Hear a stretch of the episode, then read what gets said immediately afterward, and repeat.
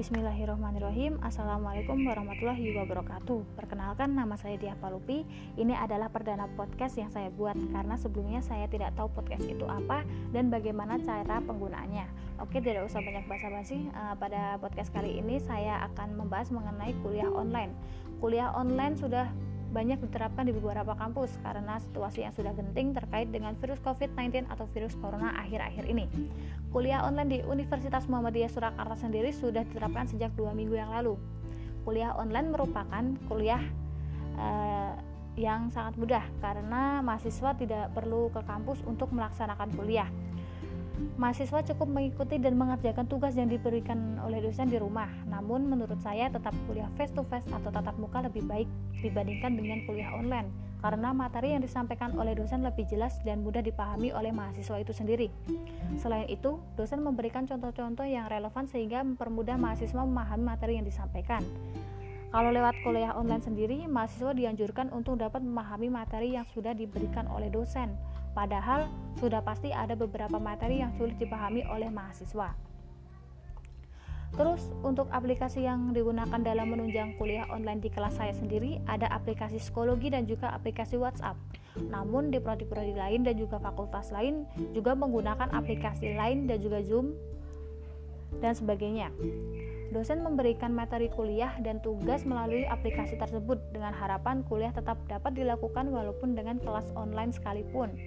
Namun, tugas yang diberikan oleh dosen kepada mahasiswa lebih banyak dibandingkan dengan kuliah face to face atau tatap muka.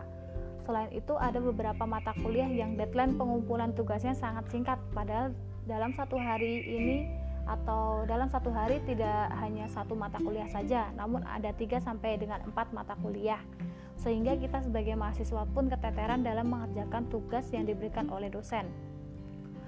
Banyak teman-teman saya yang mengeluhkan kuliah online, terutama melalui psikologi.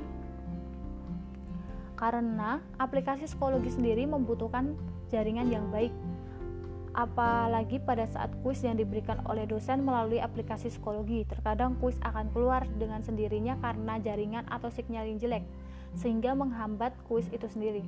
Aplikasi WhatsApp sendiri mudah diakses oleh semua mahasiswa karena WhatsApp mudah dijangkau pada pedesaan yang keterbatasan jaringan atau sinyal sehingga mahasiswa dapat mengikuti kuliah online dengan lancar.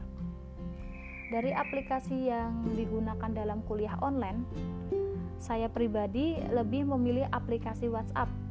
Alasannya karena aplikasi WhatsApp sendiri mudah diakses serta hemat dalam penggunaan data selulernya. Dari pengalaman kuliah online hampir 3 minggu ini, banyak mahasiswa yang sudah pulang ke kampung halaman dikarenakan adanya virus COVID-19 atau virus corona ini. Dan jaringan atau sinyal di halaman masing-masing mahasiswa pun berbeda-beda.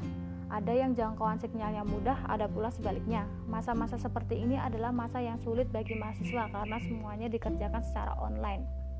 Menurut saya cukup ini pembahasan atau review mengenai kuliah online. Semoga virus COVID-19 atau virus corona ini cepat hilang sehingga kita sebagai mahasiswa dapat memulai perkuliahan dengan face to face atau tatap muka. Kuliah face to face lebih mudah memahami materi dibandingkan dengan kuliah online. Oke, cukup sekian podcast yang saya buat dan terima kasih buat kalian yang dengerin podcast saya. Saya akhiri see you next time and wassalamualaikum warahmatullahi wabarakatuh.